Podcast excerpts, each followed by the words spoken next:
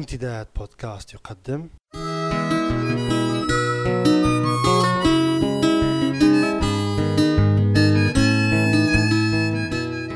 رسالة من لندن. مع جمعة بوكليب. ضيف هذه الحلقة الشاعر محمد الفقيه صالح. صندوق أبي. صندوق أخضر صغير كنت أرى أبي يفتحه بين حين وآخر غالبا في يوم عطلة أو حين يمنعه توعك صحي طارئ من الذهاب إلى عمله في سوق الجزدارة سوق النحاسين بطرابلس.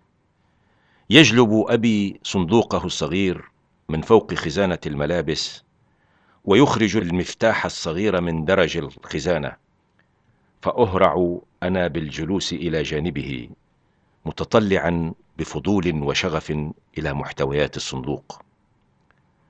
صور قديمة له ولبعض أفراد العائلة.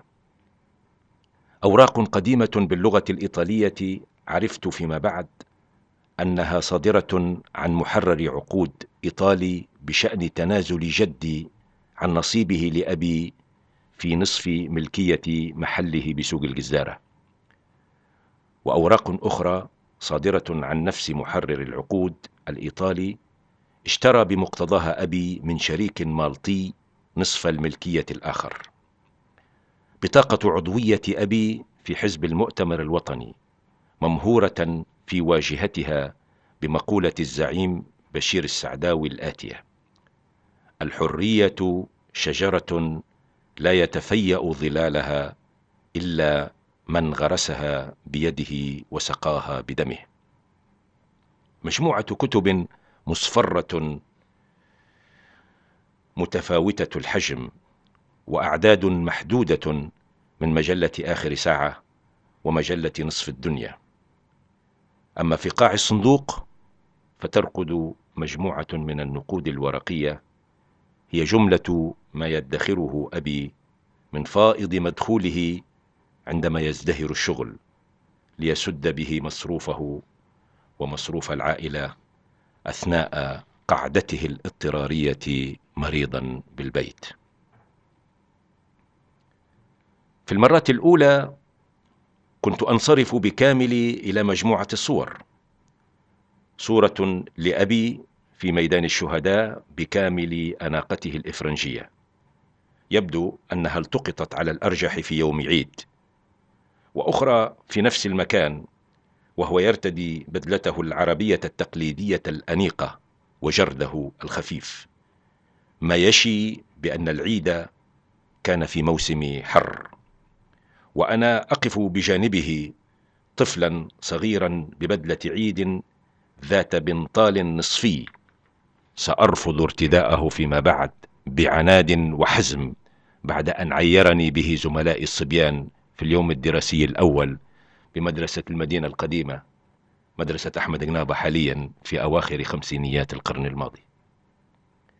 صور أخرى لأبي مع زميل له من صنائعي سوق الجزارة وصور أخرى ذات قيلولة صيفية يرتاح فيها اسطوات السوق وعماله بعد تناولهم وجبة الغداء مفترشين تحت الحائط في جهة الظل أكياسا من الخيش ومتكئين على صناديق خشبية صغيرة كوسائد.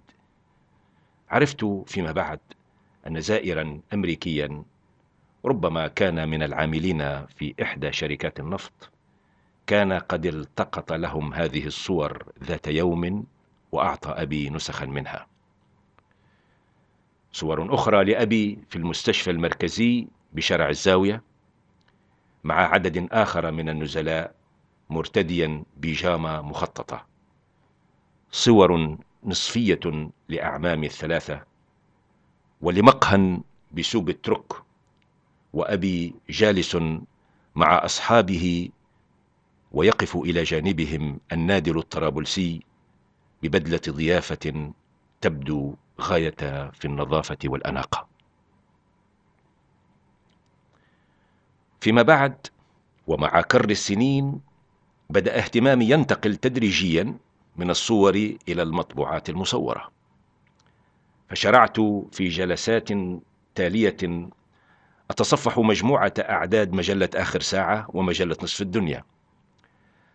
بعضها صادر في أواخر أربعينيات القرن الماضي وقليل منها في السنوات الأولى من ثورة يوليو المصرية.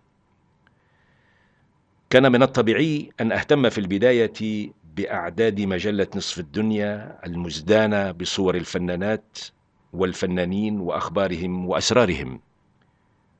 ثم وجدت نفسي في مرات تالية أستغرق في الأعداد المحدودة من مجلة آخر ساعة. أذكر أن أحد الأعداد كان منزوع الغلاف لكن ما استرعى اهتمامي فيه تقرير صحفي من مراسل للمجلة عن طرابلس مرصع بصورة جميلة لتمثال المرأة والغزالة وصورة أخرى لتمثال الأسدين ضراوة في إحدى حدائق طرابلس. ثم صورة لمرأة فاتنة موشومة الذقن كتب المراسل تحتها حسناء من بادية طرابلس. ويبدو أنها كانت من صور البطاقات البريدية التي أنتج الإيطاليون عددا منها لبعض معالم طرابلس ونسائها من منظور استشراقي. ثم صورة أخرى للأمير إدريس السنوسي التقطت له في لندن مرتديا قبعة أوروبية وقد استنتجت فيما بعد من خلال الوقائع التي يرصدها التقرير الصحفي أن عدد تلك المجلة لا بد أن يكون صادرا في عام 1949 لأن مادته تتعلق بالحراك السياسي الذي شهدته البلاد إثر صدور مشروع بيفن سفورزا في المرات الأولى لم أكن أهتم بمجموعة الكتب القديمة المصفرة لكنني حين كبرت قليلا أي منذ كنت في نهاية المرحلة الابتدائية تقريبا بدأت أمد يدي إلى مجموعة تلك الكتب من باب الفضول. فتوح اليمن المعروف برأس الغول فتوح البهنس الغراء. المجلد الأول من طبعة قديمة لألف ليلة وليلة. كتيب صغير لمؤلف كويتي اسمه فهد العتيق عن القضية الفلسطينية بعنوان قالها الصهاينة وصدقها مغفلو العرب. كان من أوائل ما قرأته من هذه الكتب وفيه يدافع المؤلف الكويتي عن الفلسطينيين الذين أشاع الصهاينة أنهم باعوا أراضيهم لليهود تحت إغراء المال.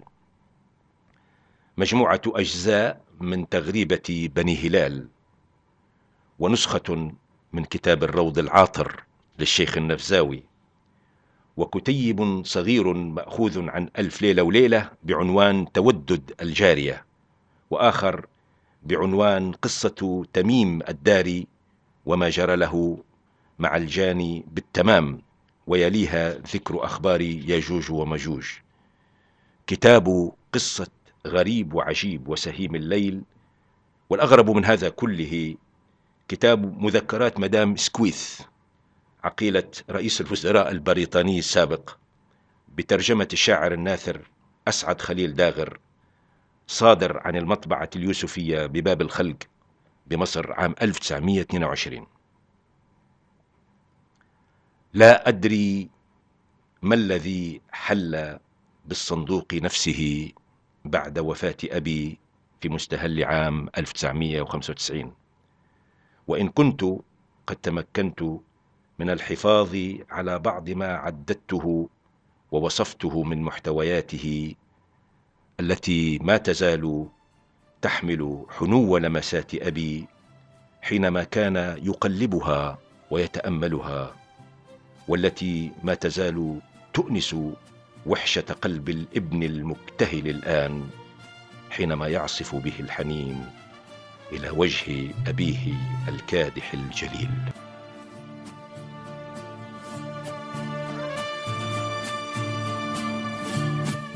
Qué bonitos ojos tienes debajo de esas dos cejas, debajo de esas dos cejas. Qué bonitos ojos tienes. Ellos me quieren mirar, pero si tú no los dejas, pero si tú no los dejas, ni siquiera parpadear. Malagueña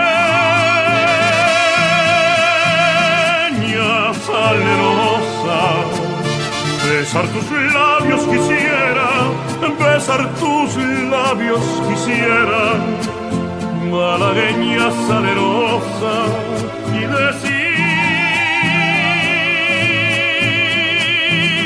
ven y